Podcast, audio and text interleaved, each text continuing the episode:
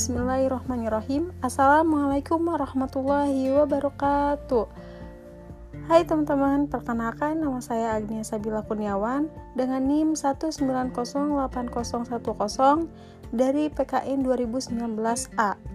Di sini saya akan menjelaskan mengenai sumber-sumber hukum Islam.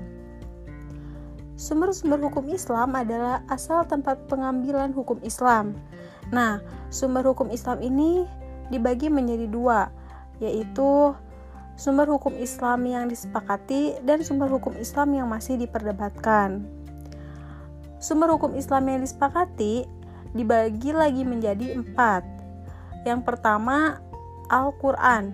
Al-Quran adalah kalamullah yang diturunkan kepada Nabi Muhammad Shallallahu Alaihi Wasallam para ulama usul fikih dan lainnya sepakat menyatakan bahwa Al-Quran merupakan sumber utama hukum Islam yang diturunkan Allah dan wajib dilaksanakan. Yang kedua, sunnah.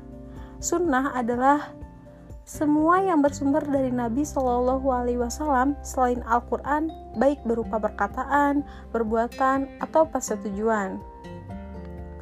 Yang ketiga, izma Ijma adalah kesepakatan ahli fikih mujtahid pada suatu masa atau suatu hukum syariat tertentu. Dan yang keempat adalah kias.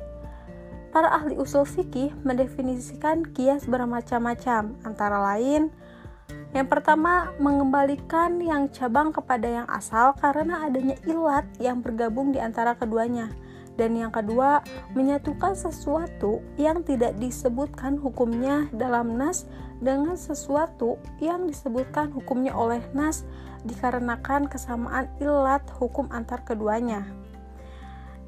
Nah, sumber-sumber hukum Islam yang masih diperdebatkan ini ada delapan.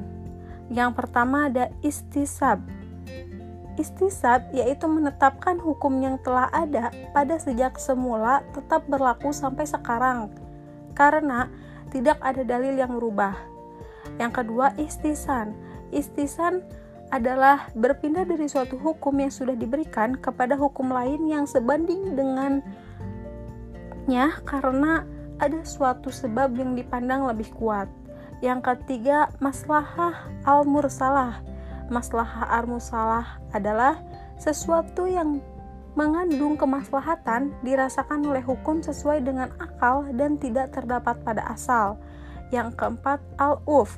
Al-uf adalah sesuatu yang telah menjadi kebiasaan dan diterima oleh tabiat yang baik serta telah dilakukan oleh penduduk sekitar Islam dengan ketentuan tidak bertentangan dengan nasyaro. Yang kelima ada mazhab sahabi. Mazhab sahabi adalah pendapat para sahabat tentang suatu kasus yang dinukil para ulama baik berupa fatwa maupun ketetapan hukum yang tidak dijelaskan dalam ayat atau hadis. Yang keenam ada syar'u man qablana atau syariat orang sebelum kita.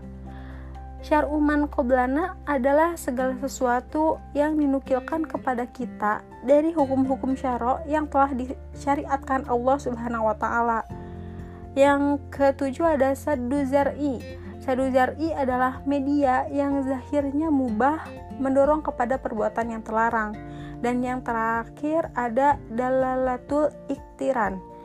Dalalatul iktiran adalah dalil yang menunjukkan bahwa sesuatu itu sama hukumnya dengan sesuatu yang disebut bersama-sama. Mungkin cukup sekian penjelasan dari saya. Kurang lebihnya mohon maaf. Terima kasih. Wassalamualaikum warahmatullahi wabarakatuh.